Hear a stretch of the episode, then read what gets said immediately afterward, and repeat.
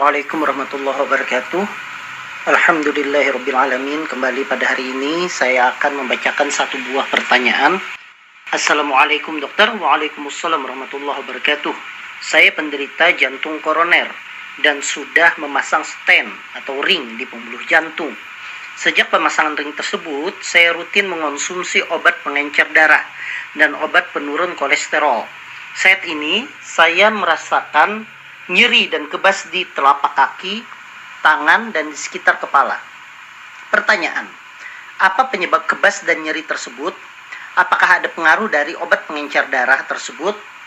Obatnya antara lain Brilinta 2 kali 1 pagi dan malam, Bisoprolol 1 kali 1 pagi, Aspilet 1 kali 1 siang, dan Atorvastatin 1 kali 1 malam.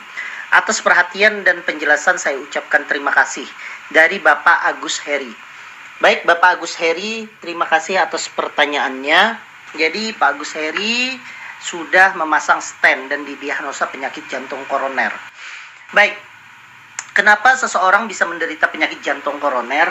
Penyebabnya yaitu bisa karena adanya penyempitan di saluran darah atau pembuluh darah koroner apa penyebab penyempitan tersebut? Penyebab penyempitan itu paling utama karena adanya penumpukan plak akibat dari meningkatnya kolesterol jahat atau LDL. Pada saat terjadi penumpukan tersebut, lama-kelamaan dia akan menyempit dan akhirnya nanti semakin sempit yang menyebabkan seseorang menjadi nyeri dada. Biasanya pada beberapa kasus yang ditanggung oleh BPJS pemasangan stent penyempitan itu harus lebih dari 80%. Nah, kemudian ada juga penyakit jantung koroner yang menyebabkan serangan jantung. Serangan jantung itu terjadi akibat dari menutupnya e, pembuluh darah koroner menutup mendadak, menutup tiba-tiba akibat dari luka dari plak tersebut. Misalnya plak yang menyempit tersebut terlepas akhirnya terjadi cedera pada pembuluh darah tersebut yang menyebabkan terjadinya sumbat trombosit atau keping darah. Nah, sumbat trombosit itulah yang menyebabkan sumbatan yang akhirnya menyebabkan darah tidak bisa mengalir dan otot jantung menjadi mati di daerah darah yang tidak mengalir tersebut. Maka tindakan yang dilakukan kepada Bapak dan pemasangan stent itu ada tindakan yang sudah cukup tepat. Nah, permasalahannya adalah ketika seseorang memakai stand, maka perlu diperhatikan. Karena stand ini adalah atau ring ini adalah benda asing yang bisa saja dianggap oleh tubuh itu sebagai uh, benda yang membahayakan sehingga bisa terjadi peradangan di sana dan bahkan dalam beberapa penelitian bisa menyebabkan terjadinya malah sumbatan ulang di daerah ring tersebut. Sehingga untuk menghindari tersebut maka Bapak memang disuruh untuk diberikan obat pengencer darah. Nah, pada kasus ini Bapak ada dua obat pengencer darah atau kita disebut dengan dua antiplatelet terapi, yaitu yang pertama adalah Brilinta dan yang kedua adalah Aspilet. Tujuannya apa? Tujuannya yang pertama tentunya untuk mencegah terjadinya trombus ulang, kemudian yang kedua tentunya adalah mengurangi efek dari nyeri dada tersebut sehingga diberikan obat pengencer darah. Selain itu, kita ketahui bersama tadi bahwa penyebab sumbatan itu karena paling utama itu karena lemak yang jahat. Nah, lemak yang jahat itu maka diberikan obat statin atau obat untuk menurunkan kolesterol. Nah, di sini yang dipakai Bapak adalah atorvastatin. Dia termasuk golongan high intensity statin untuk mengurangi lemak jahatnya. Walaupun sebenarnya Bapak tidak menuliskan uh, tidak menuliskan dosisnya tersebut. Nah, seiring dengan pertanyaan Bapak, Kenapa e, sering terasa kebas? Ya, sering terasa kebas itu adalah suatu tanda bahwa ada gangguan di perjalanan saraf. Bisa penyebabnya itu karena sarafnya yang cedera, bisa penyebabnya itu karena sekunder, artinya ada penyebab lain yang menyebabkan saraf itu menjadi cedera. Apa penyebab saraf itu menjadi cedera?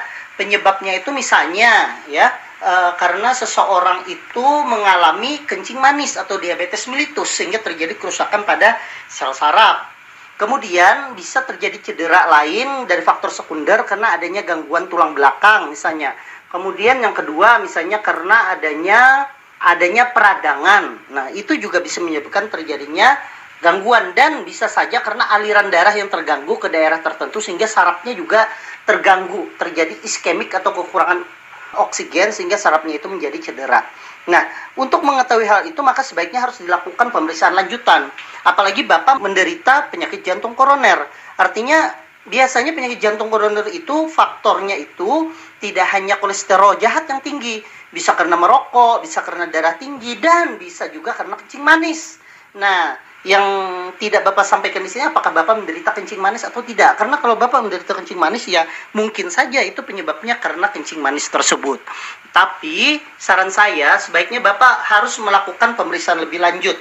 Kalau dari efek uh, obat um, yang saya lihat di sini yang disampaikan oleh Bapak seperti Brilinta, bisoprolol, aspilet dan atorvastatin itu tidak ada yang menyebabkan tidak uh, ada yang menyebabkan kesemutannya Nah, jadi e, sebaiknya pemeriksaan lebih lanjut bisa nanti ke dokter e, penyakit dalam kalau seandainya memang ada ternyata gangguan di gula darah ataupun darah tinggi dan juga bisa ke dokter saraf untuk melakukan pemeriksaan namanya pemeriksaan INMG.